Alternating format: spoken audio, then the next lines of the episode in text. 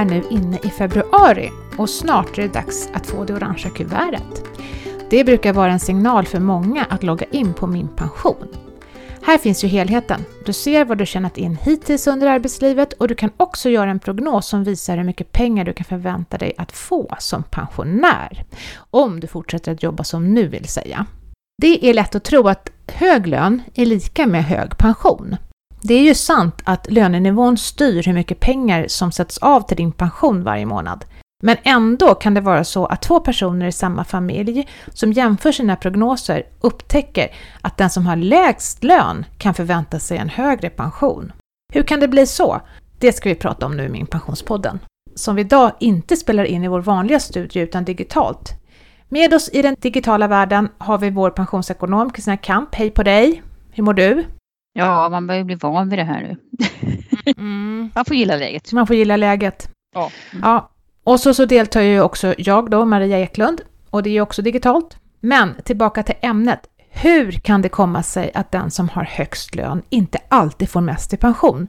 Vi brukar ju säga att lön och pension hänger ihop, Kristina.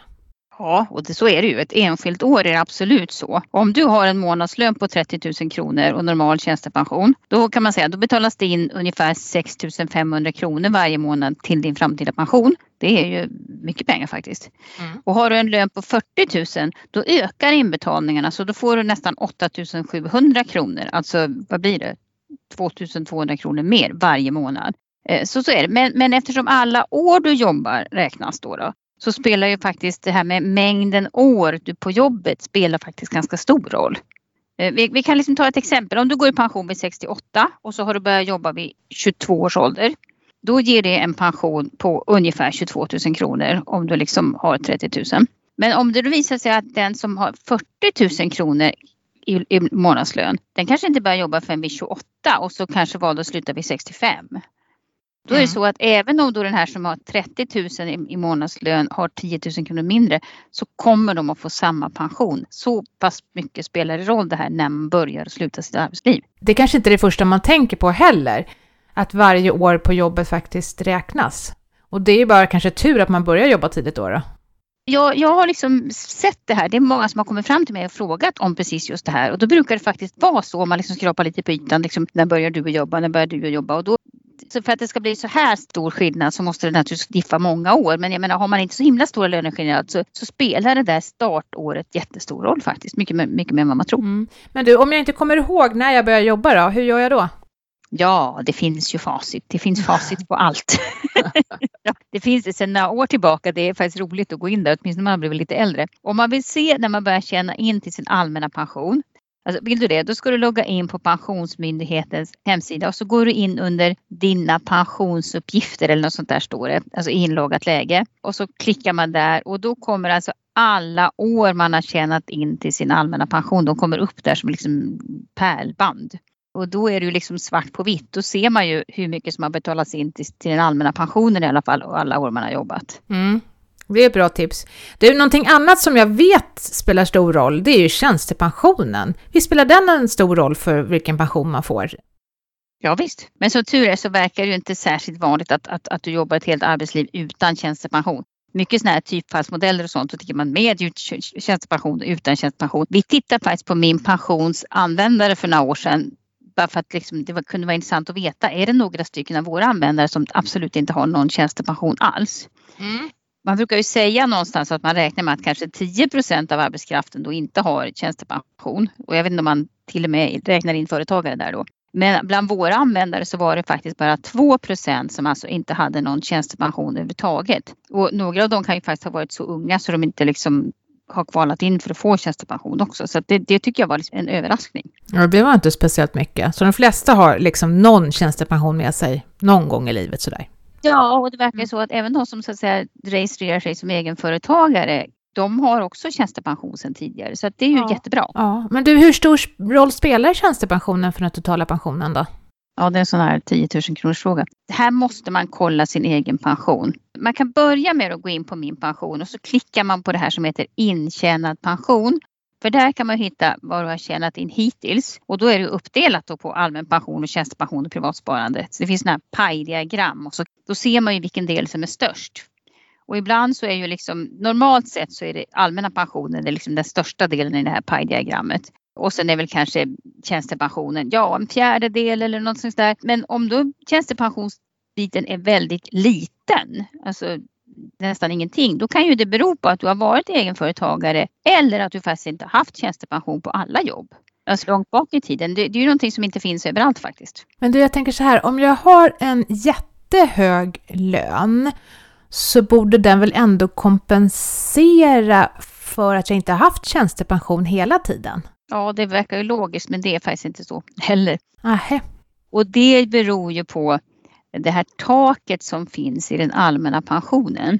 För att Alltså om du inte har någon tjänstepension då får du ju bara allmän pension eh, upp till löner på ungefär 45 000 kronor. Alltså tjänar du mer än 45 000 kronor, om du så tjänar liksom 80-90 000 så får du ändå inte mera pensionsrätter än om du hade tjänat, som, sen om du hade tjänat 45 000.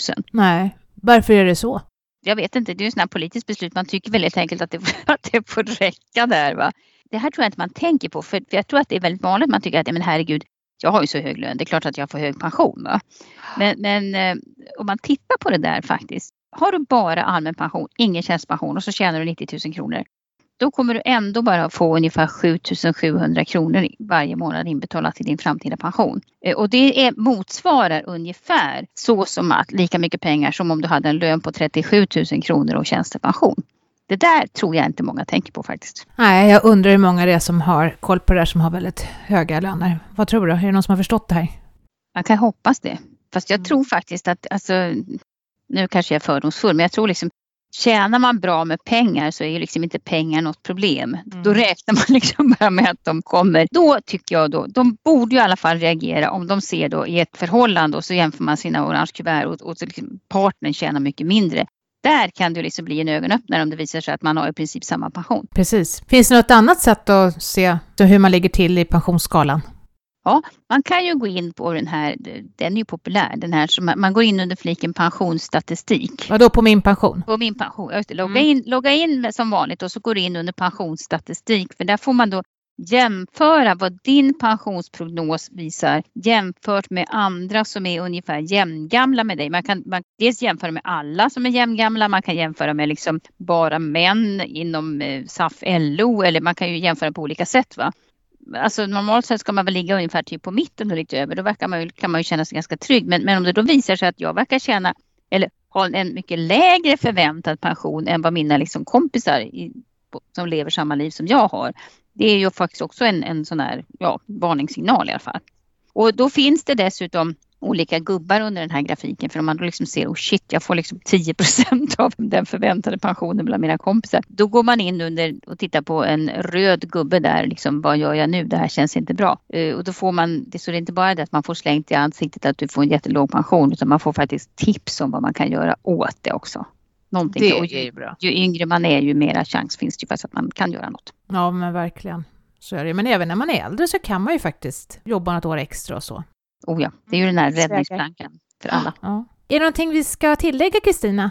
Ja, men det är ju jättebra alltid att titta. Alltså om man nu lever tillsammans med någon och så kommer det här orangea kuverten eller via Kivra eller vad det är för någonting. Så vi brukar ju tjata om det där att man ska ta den här pensionärs eller pensionsmiddagen. Man ska vara sams och ha trevligt och så ska man öppna sina orangea kuvert och kolla på sin pensionsprognos och, och fundera på om man har återbetalningsskydd på varandra och sådana där saker. Det, det låter väldigt präktigt men, men har man i alla fall gjort det en gång, åtminstone, man bör åtminstone kolla hur återbetalningsskydden ser ut och sådana saker. Jag tycker liksom det, det är nästan ett minimikrav. Och kolla då, vem är det? Nej, gör det till en tävling då. Vem har högst pension? Du eller jag? Ja.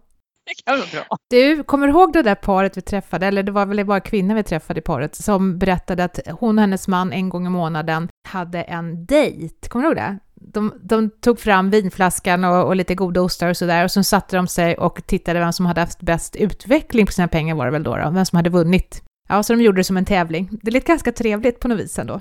Ja, jag menar bara man kan hålla sans. Ja, det lät som de gjorde det. Det lät som det var en mysig stund. Tokvilt, nu ska jag jävlar mig bräcka honom. Ja, jo men det var väl lite så. Ja. ja, och jag tror att det är ganska bra. Dels man kan ha ett litet tävlingsmoment och så kan man dessutom, det är ändå bra att, att prata om ekonomi på det sättet. Det ska liksom vara lite trevligt. Lite lustfyllt. Ja. Mm. Och med det går vi ut till veckans fråga tycker jag. Och den kommer ifrån en eh, man som heter Peter och han driver eget företag och han undrar varför man inte kan ange egen företagare när man ska välja yrke på min pension. Och ja, det stämmer faktiskt. Vi fick tillfälle att ta bort den där anställningsformen för ett år sedan ungefär. Men den kommer snart tillbaka igen. Och jag förstår att det just nu känns som att man inte kan registrera sig alls på min pension då när man driver eget företag. Men så är det ju naturligtvis inte. För Kristina, hur ska man göra för att få rätt i prognosen? Ja, nu är det punkt 1, punkt 2, punkt 3 här. Men först så går man in under fliken inställningar, liksom när man har loggat in och så. Och sen i den här rutan anställning, då ska man faktiskt välja privatanställd med tjänstepension, för då funkar det i det här fallet. Och sen i den här rutan som står jag arbetar som, då väljer man där så väljer man tjänstepension utan kollektivavtal, för då får man ju bort det här att man inte har kollektivavtal som när man har eget företag. Och sen då finns det en ruta som heter arbetsgivare och det är ju en sån här ruta där man kan skriva in vad man vill ungefär. Och då kan man ju skriva eget företag eller företagsnamnet om man vill. Och sen så fyller man bara i månadslönen i rutan för månadslön. Då funkar det ju. Och sen som sagt snart så kommer det tillbaka. Då behöver vi inte krångla till det utan då kan man välja ordet egenföretagare.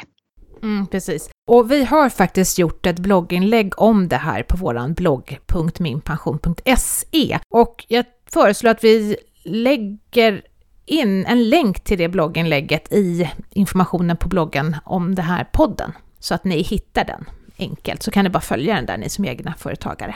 Och ja, det var allt för oss idag och tack för att du har lyssnat. I dagens avsnitt deltog Kristina Kamp och så jag, Maria Eklund, och vi arbetar på Min Pension som är en oberoende tjänst som ger dig koll på dina pensioner.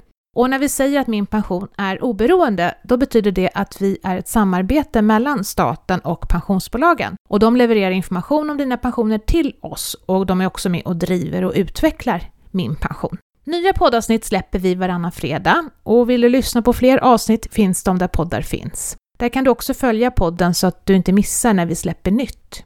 Och du kan prata med oss via mail, podd.minpension.se. Och vi längtar tillbaka till vår studio såklart och håller tummarna för att vi snart kan spela in nästa avsnitt där. Tills vi hörs igen, ta nu hand om dig och din pension. Ha det bra, hej! Jo.